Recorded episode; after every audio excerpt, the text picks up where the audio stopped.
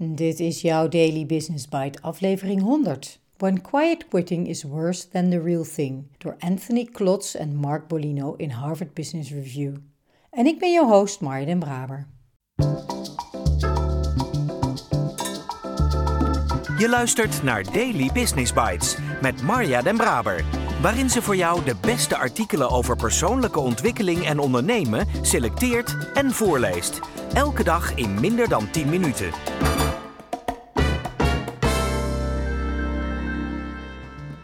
Een hele fijne dag en welkom terug bij de Daily Business Bites. Of welkom als je voor de eerste keer luistert. Dit is de podcast waarin ik je de beste artikelen voorlees die je kan vinden over ondernemen en persoonlijke ontwikkeling. Soms een beetje te enthousiast, maar ik kan het niet helpen. Ik houd van het onderwerp en van lezen. Dus dank dat je met mij meeluistert vandaag en elke dag. Hoewel er veel is geschreven over de grote ontslaggolf, is er een nieuwe term ontstaan om een steeds vaker voorkomend alternatief voor ontslag te beschrijven: quiet quitting, stilletjes ontslag nemen. Gedreven door veel van dezelfde onderliggende factoren als echt ontslag nemen, verwijst quiet quitting naar het niet meer doen van extra taken die niet onder jouw formele taken vallen en of minder emotioneel betrokken zijn bij het werk. Quiet quitters blijven hun primaire verantwoordelijkheden vervullen, maar ze zijn minder bereid tot activiteiten die bekend staan als citizenship behaviors. Niet meer tot laat blijven of juist heel vroeg komen of niet verplichte vergaderingen bijwonen. Op het eerste gezicht lijkt dit geen probleem. Deze werknemers onttrekken zich immers niet aan hun kerntaken. Ze weigeren alleen om verder te gaan.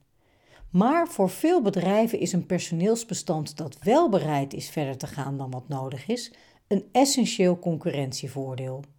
De realiteit is dat de meeste banen niet volledig kunnen worden vastgelegd in een formele functiebeschrijving of contract. Dus vertrouwen organisaties erop dat werknemers zo nodig extra taken op zich nemen. Het is dan ook niet verwonderlijk dat veel leiders nogal negatief hebben gereageerd op de quiet quitting trend. Veel leiders met wie wij hebben gesproken stellen dat het al moeilijk is om werknemers te verliezen die vertrekken, maar dat het nog erger is als ze niet vertrekken, omdat hun onwil om een stapje extra te zetten vaak de druk op hun collega's vergroot die dan het extra werk op zich moeten nemen.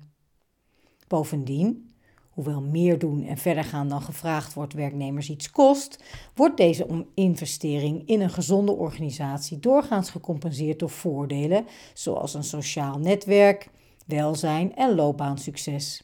De quiet quitting trend wijst erop dat werknemers steeds meer het gevoel krijgen dat deze uitwisseling uit balans is geraakt. Werkgevers vragen extra inspanningen van werknemers zonder in ruil daarvoor voldoende in hen te investeren. En naarmate de economische vooruitzichten verslechteren en stoppen met werken voor veel mensen minder haalbaar wordt, zal dit stille alternatief waarschijnlijk steeds vaker voorkomen. Het goede nieuws is dat er maatregelen zijn die leiders kunnen nemen om de oorzaken van quiet quitting aan te pakken. Op basis van ons eigen werk en literatuuronderzoek hebben we drie op onderzoek gebaseerde strategieën voor werkgevers geïdentificeerd. 1. Herdefinieer kerntaken.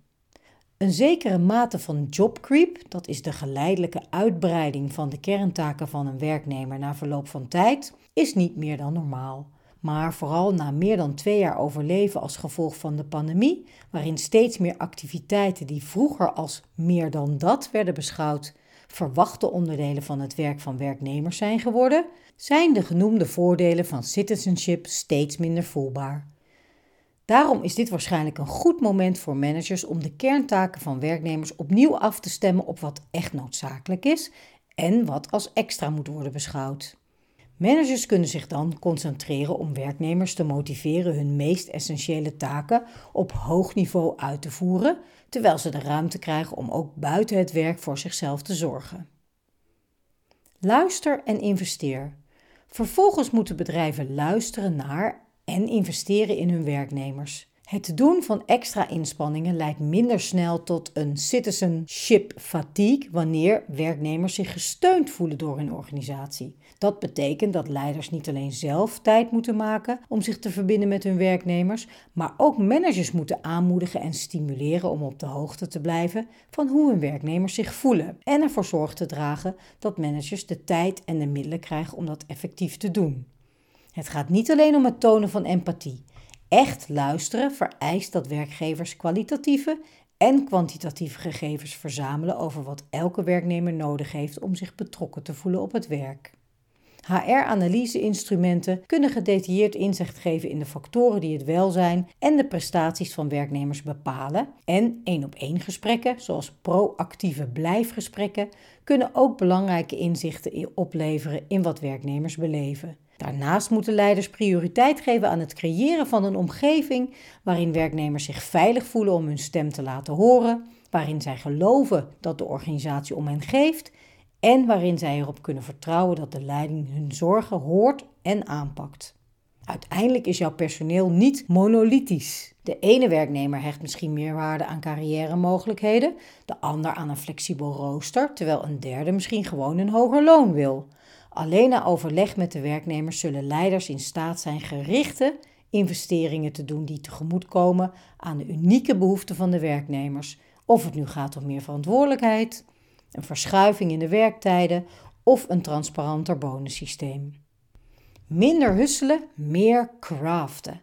Ten slotte kunnen leiders de positieve aspecten van citizenship behouden zonder hun teams te onderwerpen aan een onhoudbare husselcultuur.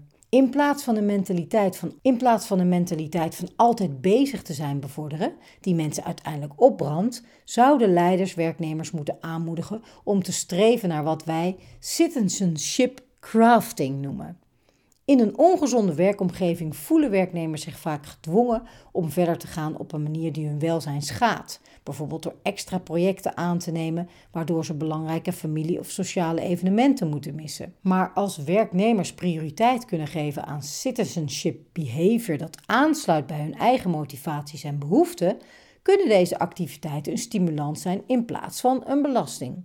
Sommige werknemers worden bijvoorbeeld gedreven door het helpen van anderen en nemen dus graag extra taken op zich als daar een sociale component aan verbonden is.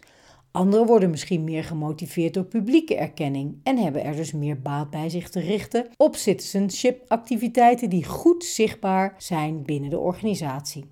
Het is de taak van managers om naar hun werknemers te luisteren, hen te helpen bepalen welke specifieke vormen van citizenship aansluiten bij hun intrinsieke motivaties en werknemers aan te moedigen zich op deze taken te richten als zij de ruimte hebben om verder te gaan dan hun kerntaken.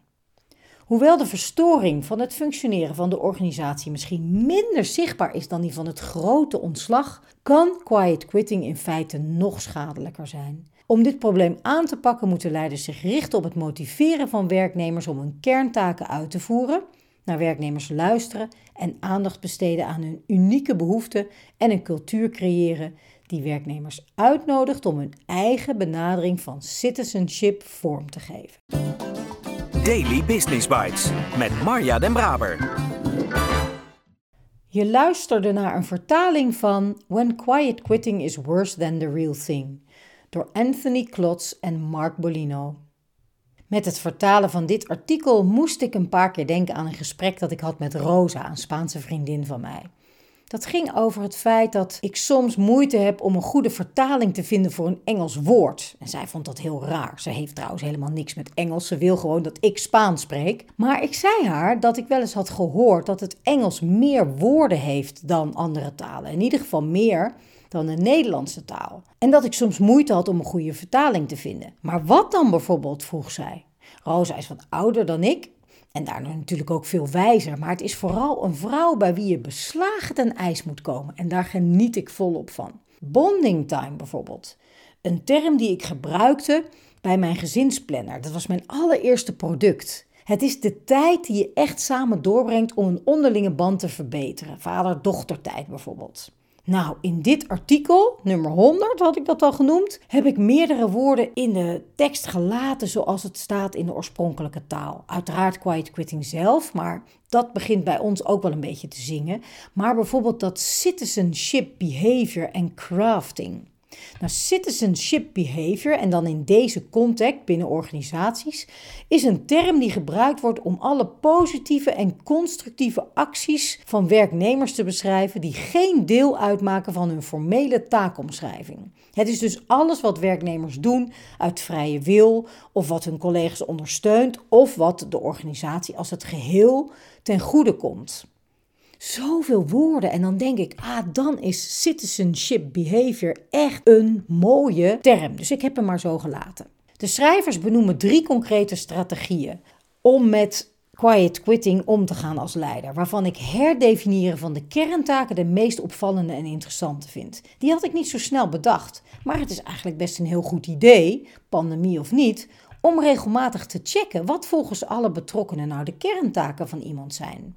De overige twee zijn ook heel goed, maar die zijn logischer, zoals luisteren en het goede gesprek aangaan. Niet iedereen over één scheren en ruimte voor maatwerk hebben. Ja, wellicht hoor ik een kleine zucht ontsnappen bij je manager. Moet ik dat dan echt per persoon allemaal weten en bespreken? En het antwoord is ja, dat is je taak. Tenzij je een grote opluchting zou voelen als vanmiddag toch die echte ontslagbrief op je bureau zou liggen van deze persoon. Maar dan heb je maandag sowieso een ander gesprek te voeren. En maandag spreek ik je graag weer.